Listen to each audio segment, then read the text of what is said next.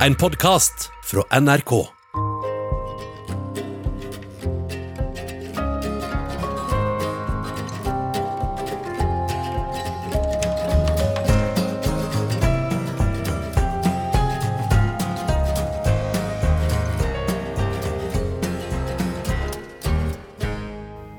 Hvorfor ville du bli skuespiller? Dette spørsmålet er blitt stilt sikkert hundre ganger, av journalister og nye bekjentskaper, og innimellom spør jeg meg selv om det samme. Som når jeg står i et miniskjørt i ti minus på et filmsett og venter på en treg sky som skal passere, eller da en regissør en gang sa til meg, kan du ikke bare gjøre det bedre? når jeg går glipp av en skoleavslutning fordi vi skal filme en soloppgang på Kolbotn, eller når jeg har jobbet i månedsvis med å få til noe bra, men så kommer det nesten ingen å se på. Dette spørsmålet blir med andre ord stilt meg ganske ofte, både av meg selv og andre. Men jeg har egentlig aldri ønsket å svare noe særlig utfyllende på det, da jeg er redd for å virke svermerisk eller romantiserende. Hvor ofte spør du en tannlege mens du legger hodet på skakke, når var det du skjønte at du bare måtte? bli tannlege. Mest sannsynlig aldri. Men med årene har jeg tenkt mer og mer på dette. Hvorfor ville jeg bli skuespiller? Og hvorfor elsker jeg dette yrket så høyt? Så jeg har rett og slett satt av mitt sommer i P2 til litt forskningsarbeid. Jeg kommer garantert til å bli flau underveis. Svake menneske, jeg sier. Du svake menneske. Hvorfor er du så svak? Hvorfor er du så svak? Ja, du dummer deg ut sånn som du gjør. Du Denne låta hørte jeg på hver dag på barneskolen. Og jeg glemmer aldri da Jannicke signerte Levis-jakka mi på en konsert i Elverum. Tusen takk, Gry Jannicke Jarlum. På den tida drømte jeg om å bli et skikkelig usvakt menneske som du ville bli stolt av. Jeg syns innimellom at jeg har klart det. Jeg heter Andrea Brein Hovig. Jeg er skuespiller og forfatter, og dette er mitt sommer i P2. Dette programmet handler null om sommer, beklager det. Året er 1988, og stedet er Marienlyst skole i Oslo. Jeg er ungdomsskoleelev og sitter i en gymsal i min pastellfargede outfit. Jeg føler meg garantert ikke fin. Jeg følte meg aldri fin på den tida. Klassen har hatt gym, og mange av oss er svette etter en økt fotball. Selv er jeg såpass ballredd at jeg har skyldt på et leit overtråkk. Jeg dansa masse ballett på den tida og kunne alltid skylde på tåspissko og et slarkete ankelledd. Ingen orket å høre så mye om detaljene rundt dette, så jeg slapp stort sett greit unna. Hvorfor spilte man så mye ball i gymmen på åttitallet? Det kommer jeg til å undres over så lenge jeg lever. Uansett, vi sitter en pubertal gjeng i ring og skal ha en slags klassens time. Vi skal prate om hva vi vil bli. Gymlæreren vår er full av entusiasme. Men jeg krymper meg. Jeg vet jo hva jeg vil bli, men aldri i verden om jeg har tenkt å dele det her. Runden starter, og når det blir min tur, piper jeg advokat, og ingen stusser. Jeg er flink på skolen, og stefaren min er jurist. Neste. Noen av jentene sier skuespiller, med den største selvtillit, og jeg grøsser. Synes det høres så dust og uintelligent ut. Ganske riktig, når runden er over, inntar elevråds-Marianne en slags ordstyrerrolle og ytrer ordene Ok, dere, men er det noen av jentene som liksom vil bli noe annet enn skuespillere og modeller, eller? Hun skyver brillene med lakserosa innfatning godt opp på neseryggen og ser nøye på hver og en av oss. Noen stusser. En av jentene tar mot i seg og sier modell og skuespiller er vel ikke helt det samme? Men jo da, det er åpenbart bred enighet i gruppa om at det er tomato tomato, jålete og kørka begge deler. Jeg takker min skaper for at jeg sa advokat. Diskusjonen i gymsalen på Marienlyst skole bekreftet det jeg hadde hatt en følelse av. Skuespillergreiene passa best for innbilske og jålete typer, og vi som hadde noe i nøtta, burde helt klart bruke det på noe annet enn å gjøre oss til. Dette sitter faktisk litt i ennå. Jeg har som sagt fått spørsmålet Hvorfor ville du bli skuespiller? helt fra jeg ga mitt første intervju, og jeg har egentlig aldri ønsket å svare på det. Jeg har likt å tenke at mitt yrkesvalg ikke skiller seg særlig fra andres. En miks av talent, interesse og utdanning. That's it. Men i det siste har jeg fått lyst til å grave litt i nettopp dette. Hvorfor i all verden ville jeg så inderlig gjerne bli skuespiller? For jo eldre jeg blir, dess mer interessant syns jeg faktisk at det er. Det er jo unektelig noe pussig ved å være et voksent menneske som kler seg ut og later som om man er en annen enn den man er. Men noen av mine aller tidligste minner dreier seg nettopp rundt dette med å være noen andre, og hvor superinteressant jeg syntes at det var. Jeg har tydelige minner fra barnebursdager som ble kalt karneval, og hvor mye jeg kunne glede meg til disse. Jeg var vanligvis ikke særlig glad i barnebursdager. Jeg var mest vant til å være sammen med voksne, og mange barn på en gang gjorde meg ofte utrygg. Jeg forsto ikke kodene, og kjente nok mange ganger på følelsen av å betrakte istedenfor å delta. Jeg likte ikke pølser eller bløtkake, og syntes stolleken var helt forferdelig skummel. Jeg hadde ingen ferdigkjøpte eller hjemmesydde kostymer, så jeg var alltid fin dame. Forberedelsene dreide seg stort sett bare om å låne et skjørt av mamma og taue dette rundt livet. Derfra var det pur himmel. Jeg gikk all in. Jeg vek ikke fra min karakter et eneste sekund. Jeg husker følelsen av å se på en klassekamerat hive i seg bløtkake med revekostymet sitt på halv tolv, mens jeg tenkte du kan ikke spise med skje. Ingen rev ville gjort det. Ta deg sammen, menneske.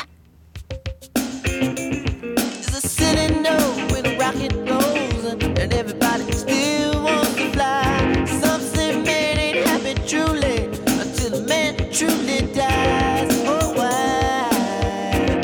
Oh.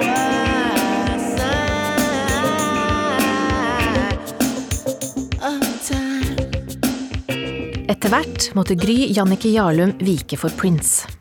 Eller alt måtte vike for Prince. Jeg løp hjem fra skolen hver dag for å høre på ham, eller jeg somla gatelangs, lyttende på min elskede gule Walkman. Jeg dagdrømte om at Prince kom til Oslo og ble kjæresten min. Han var jo kjempegammel og kjempelav, og ville dessuten garantert ferska at jeg var ukyssa. Men i dagdrømmen var ingen av disse hindringene relevante. Han skulle snakke til meg fra scenen i alle mulige slags land, og jeg skulle stå og være sjenert og søt blant publikum. Langt bak, sånn at alle måtte snu seg når han snakket om meg, for å lokalisere dette vidunderet han hadde valgt seg. Milde himmel som jeg dagdrømte på den tida. Men det rare var at hver gang de skuespillergreiene dukka opp i dagdrømmene, kom det liksom en indre smekk på lanken. Husk, skuespilleri er tøytete og uintelligent. Det at jeg faktisk ønsket å være både tøytete og uintelligent, var en helt annen sak. Jeg har altså besluttet meg for å zoome inn på spørsmålet hvorfor vil jeg bli skuespiller, selv om jeg alltid har følt det som irrelevant. For jeg tror kanskje ikke at det er det. Irrelevant, altså. Jeg tror det er skikkelig relevant. Det er relevant for hvem jeg er, og for hva slags skuespiller jeg er blitt. Jeg er en graver. Jeg har alltid vært det. Der jeg sitter i en krok på det barnekarnevalet og er fin dame, ser jeg helt sikkert ensom ut, men jeg har det rikt og fantastisk. Og til alle dere som er livredde for at ungen deres går alene i skolegården, eller ikke har noe brennende ønske om å leke med noen på fritida, dette trenger ikke å være en tragedie. Tvert imot. Kanskje dette lille mennesket har det helt supert. Kanskje ungen ser for seg at året er 1811, og at hen prøver ut noen sko som en eller annen fransk konge har sendt til Oslo med hest og vogn, for eksempel.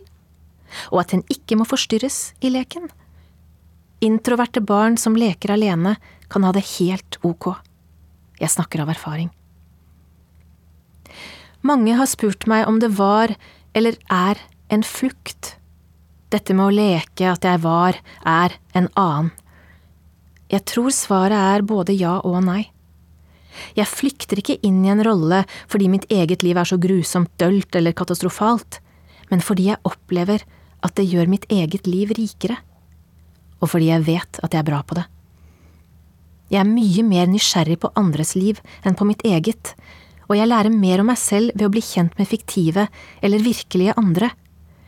Dette høres kanskje rart ut, og jeg vil ikke at dere lyttere skal tro at jeg føler at jeg blir en annen, for dette kalles psykose, og det er ikke en ønskelig tilstand for meg. Men med denne gravinga i jobbsammenheng blir jeg jo samtidig en slags arkeolog i eget liv. Nettopp fordi jeg aldri er en annen, men alltid en slags variant av meg selv. For hver rolle jeg gjør, lærer jeg noe nytt om meg selv. Når noe oppleves umulig eller fjernt ved en karakter, gjør det meg kjempenysgjerrig. Hvorfor forstår jeg henne ikke, hvorfor brenner jeg for at hun skal løse denne situasjonen på en annen måte? Og sånn holder jeg på. Jeg sier ikke at rollearbeid kan erstatte terapi. Det ville vært ko-ko å mene, og dessuten røpet at det var på høy tid for meg å ta opp igjen terapitråden snarest mulig.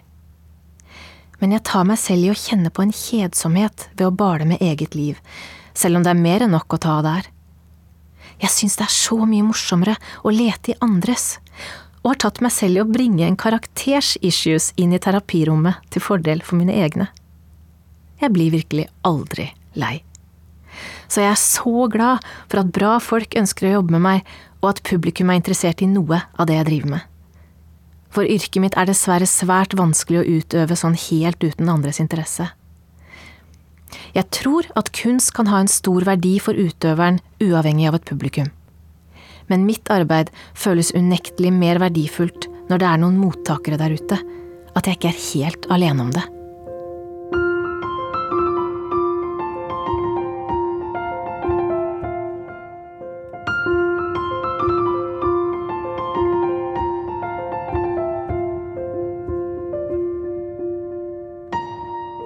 Det er kanskje litt for sødmefylt å spille en låt med mannen min Andreas Utnem. Jeg rødmer litt her. Men jeg tenker veldig ofte på at yrket mitt statistisk sett er vanskelig å kombinere med et vellykka familieliv. Jeg tror det faktisk finnes tall på at skuespillere troner øverst på skilsmissestatistikken. Og det er verken sjokkerende eller pussig. Vi er veldig intime med andre mennesker og jobber til snåle tider. Hvis vi gjør teater som inkluderer sang, går vi med skjerf dagen lang og er livredd for å miste stemmen. Hvis vi filmer, står vi opp klokka fem og forlater et sovende hus med et håp om at ungene kommer seg av gårde til riktig tid med noe næring i magen. Dette går rett og slett ikke rundt hvis vi ikke har en partner som støtter oss. Og en sånn en har jeg. Jeg vet ikke hvor mange premierebobler jeg mer eller mindre ufrivillig har flyttet inn i den tiden vi har levd sammen. En sånn boble er vanskelig å komme inn i for utenforstående, og det er nok heller ikke ønskelig. Inni der kan det være både frykt og svartsyn. Og mest av alt er det et ekstremt egosentrisk sted. Den vanvittige setningen Jeg klarer ikke å lage middag, jeg nærmer meg premiere, er sagt mer enn én gang, for å si det sånn. Eller Jeg drar ned på teatret typ 40 timer før forestillingen begynner, jeg må nemlig tenke på en ny undertekst. Og Andreas bare ok. Jeg er veldig klar over at jeg ikke hadde klart å opprettholde et fint og normalt familieliv med en partner som hissa seg opp over denne form for kunstnerisk ambisiøsitet, eller irriterende vanvidd, om du vil. Med årene har jeg etter hvert fått til å ta meg gode perioder med helt fri, for at ingen roller skal stå i veien for tilstedeværelsen min hjemme, og for at jeg ikke skal ha dagens teaterprøve eller dagens filmtagninger i hodet når jeg legger ungene om kvelden. Jeg har verdens beste unger og type. Jeg er heldig. Jeg tenker ofte på at man nok må ha noen privilegier for i det hele tatt å kunne være en utøvende kunstner. Det er ikke alle forunt å kunne bruke store deler av livet sitt på å dyrke sitt kunstneriske uttrykk. Er du alenemor til tre sjuke unger i en flyktningeleir i Hellas, hjelper det ikke hvor mye talent du har. Livet ditt tillater da ikke større utskeielser enn kampen for å overleve. Så når jeg sier at jeg bare måtte bli skuespiller, er det en sannhet med modifikasjoner. Jeg bor i et land hvor dette er mulig, og jeg har en familie som støtter meg. Når skuespillere snakker om det øyeblikket de fikk vite at de kom inn på den skuespillerutdanningen de ønsket seg, hører jeg ofte Jeg følte at jeg hadde lurt juryen. Sånn har jeg aldri tenkt. Nei da, selvtilliten hva gjelder eget talent, har stort sett vært knallstødig. Det er tilliten til omverdenen det har skortet på. Helt fra jeg visste at skuespilleryrket faktisk var noe som eksisterte, har jeg vært 100% sikker på at jeg hadde det som skulle til. Med mer. Jeg har bare alltid vært i dyp tvil om andre er enig i dette. Sånn er det fortsatt. Jeg forventer egentlig alltid avslag. Jeg blir aldri overraska når jeg ikke blir valgt, men prøver å unngå å sette meg i situasjoner hvor jeg konkurrerer med andre. Jeg mistrives nemlig sterkt når jeg skal testes. Hvis jeg blir spurt om en audition av noe slag, prøver jeg ofte å slippe. Jeg tenker innerst inne ja, men bare gi meg det manuset, da, så kan jeg fortelle deg om jeg er det riktige valget eller ikke. Dette høres jo usannsynlig arrogant ut, men etter 17 år med svenske Sommar i P1 i vår minihytte i Värmland har jeg vennet meg til at avsenderen av disse personlige sommerbrevene både er ærlige og selvutleverende. I hvert fall. Jeg vet også når jeg ikke er det riktige valget. Jeg tenker kanskje sånn oftere enn jeg tenker det motsatte. Jeg kan mumle for meg selv mens jeg leser et tilsendt manus. Dette kan jo mange gjøre bedre enn jeg og mene det. Jeg liker å tenke at en god skuespiller kan gjøre absolutt hva som helst. Likevel erfarer jeg at dette ikke er helt sant. Jeg var en gang i en heftig diskusjon med noen kollegaer angående om vi skuespillere er kunstnere eller håndverkere. Jeg kjempet med nebb og klør for det første. Jeg kan bare snakke for meg selv, så klart, men jeg er kunstner, det er det jeg vil være og en kunstner kan ikke gjøre hva som helst. En god billedkunstner, komponist, danser eller forfatter vil kunne oppfylle ulike oppdrag med ulike rammer, men kunstnerens stemme og personlighet vil alltid skinne gjennom. Og min skuespillerkunst passer kanskje ikke best til alt. Dessverre, kan jeg noen ganger tenke, for det er så mye jeg vil gjøre.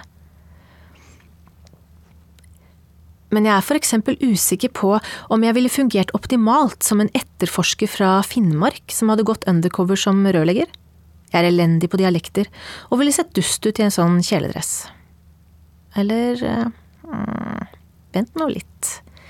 Og akkurat der var jeg i gang med å grave i denne rørleggeretterforskeren. Og kanskje, hvis jeg fikk jobbet litt med en såkalt språkmodell, ville jeg kanskje blitt troverdig som finnmarking? Hmm. Jeg er allerede i gang med å spørre henne. Hvorfor valgte du akkurat rørlegger? Yeah, yeah, yeah. Uh,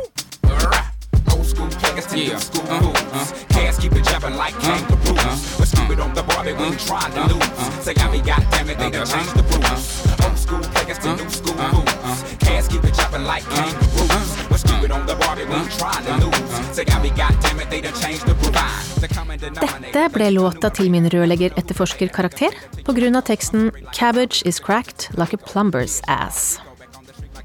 Men etter å ha prøvd litt finnmarksmål i en boilersuit aka kjeledress her, konkluderer jeg med at denne rollen herved nok sendes videre til en annen interessert. Jeg elsker rollearbeid. Jeg vet at ordet elske er både stort og forslitt, men pokker heller, jeg elsker det. I det øyeblikket jeg føler at jeg kjenner rollen bedre enn regissøren og manusforfatteren gjør, uavhengig om disse faggruppene er enige eller ikke, kan jeg kjenne på et streif av jobblykke. Ja, jeg sier streif. Jeg tror nemlig ikke at jeg blir spesielt lykkelig av å være skuespiller. Lykken finner jeg andre steder. Jeg kan ofte være både trist og forbanna når jeg jobber. Når det er noe jeg ikke får til, ligger det som et tungt og mørkt teppe over meg og så er jeg en del redd. Jeg er ikke redd for å stå på scenen eller foran kamera, heldigvis, men jeg er så redd for å ikke lykkes i egne eller andres øyne, at alt arbeidet som legges ned skal være forgjeves. Det føles alltid som om det står så mye på spill for meg, og det kan nesten kvele meg helt. Men når jeg står i garderoben min på teatret eller på et filmsett og er så redd at jeg er kvalm, prøver jeg å tenke, Andrea, det er nesten ingen som bryr seg. For helt ærlig, det er det faktisk ikke. Jeg har gjort utallige rolleprestasjoner som har kostet meg blod, svette og tårer, uten at det akkurat har vært ensbetydende med at folk har ønsket å se på. Og dette er jo egentlig helt sjukt komisk. Jeg gråter og nerver rundt, mens det kanskje kommer 60 stykk for å se, til sammen. Sånn kan livet til en skuespiller være. Ganske ofte, faktisk. Men det som er sprøtt, er at det ikke føles noe mindre viktig av den grunn. Jeg går rundt og føler på en 100% viktighetsgrad som veldig få bryr seg om. Jeg ler for meg selv der jeg sitter. Jeg syns virkelig at dette er komisk. Jeg tror kanskje også at dette var en av årsakene til den skammen jeg følte på 80-tallet over å egentlig ville svare skuespiller når noen spurte hva jeg ville bli. Fordi det innimellom bare føles så dust. Det du sjøl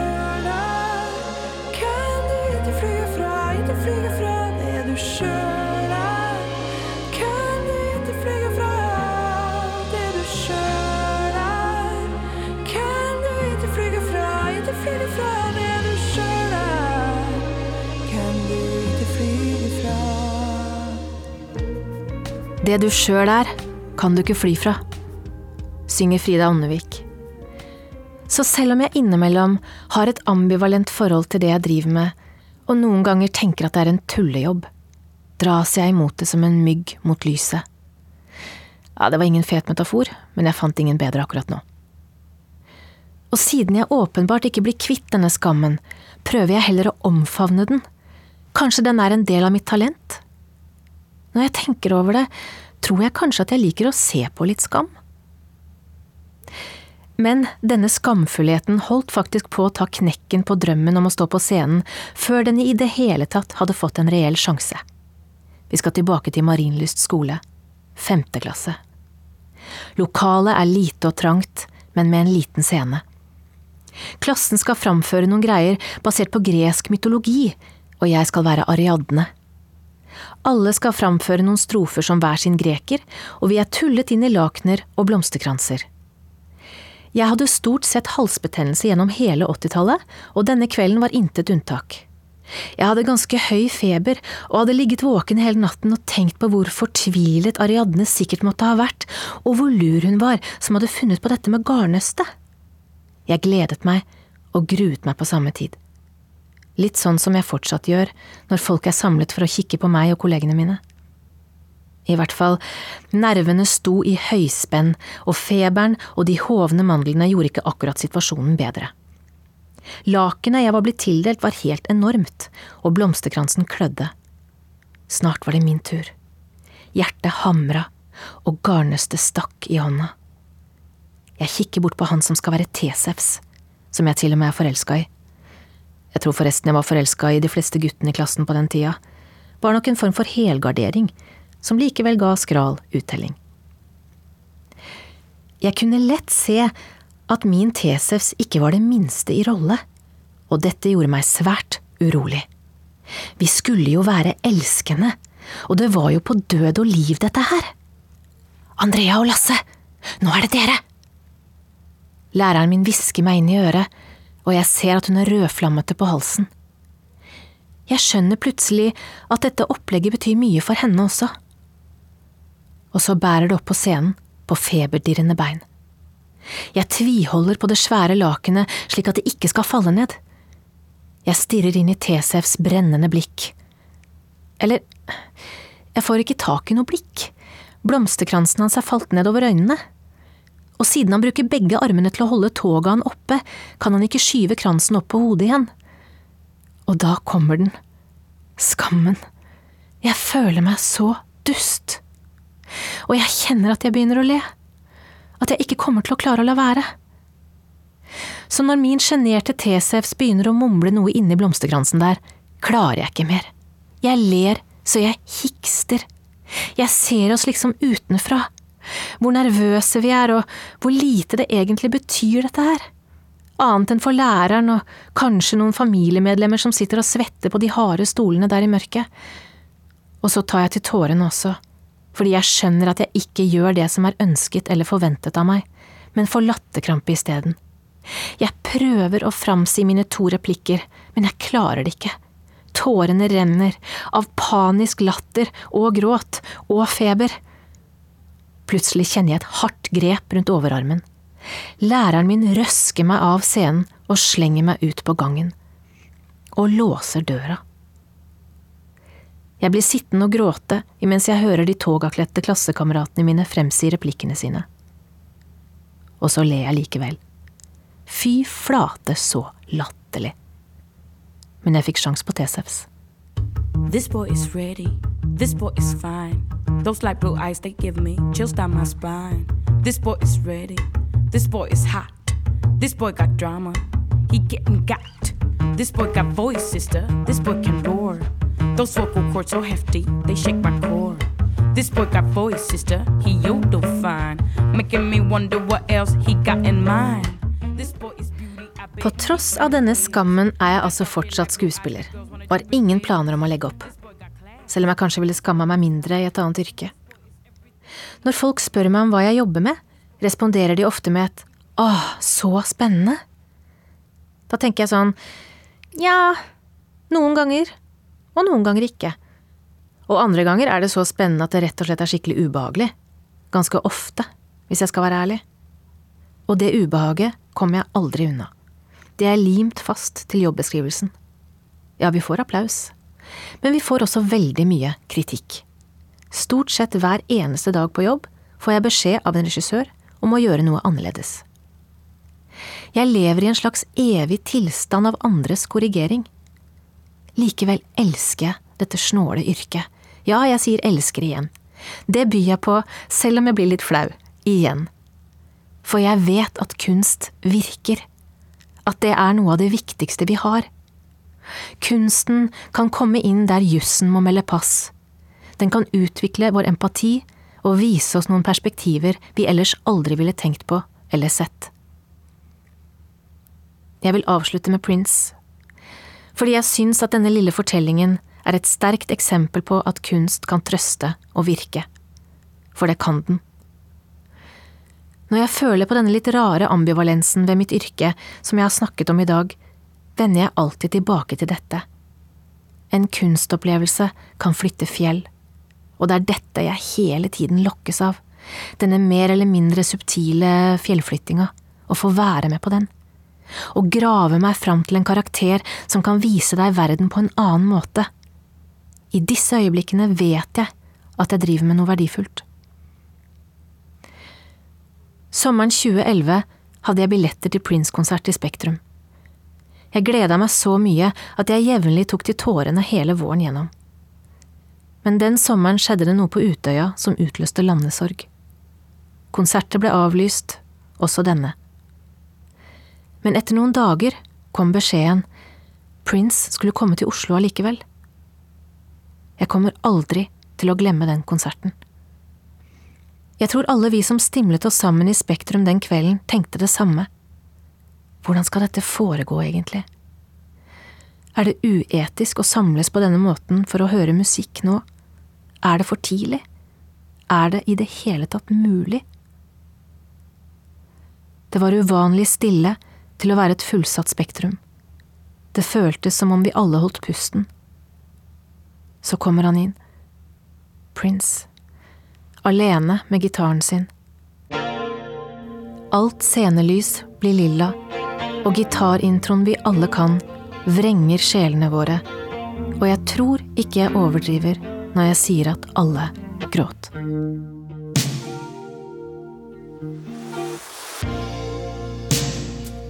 I never meant to call you any sorrow.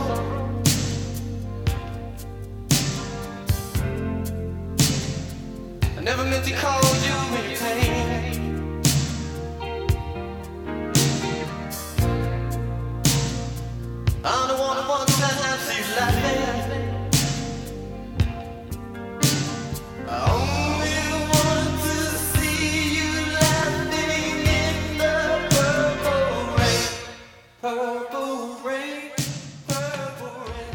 hørt podkastversjonen av Sommer i P2 med skuespiller Andrea Brein Hovig. Hilde Tosterud hadde det tekniske ansvaret. Else Barrat Due var produsent.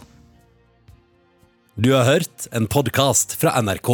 Hør flere podkaster og din favorittkanal i appen NRK Radio.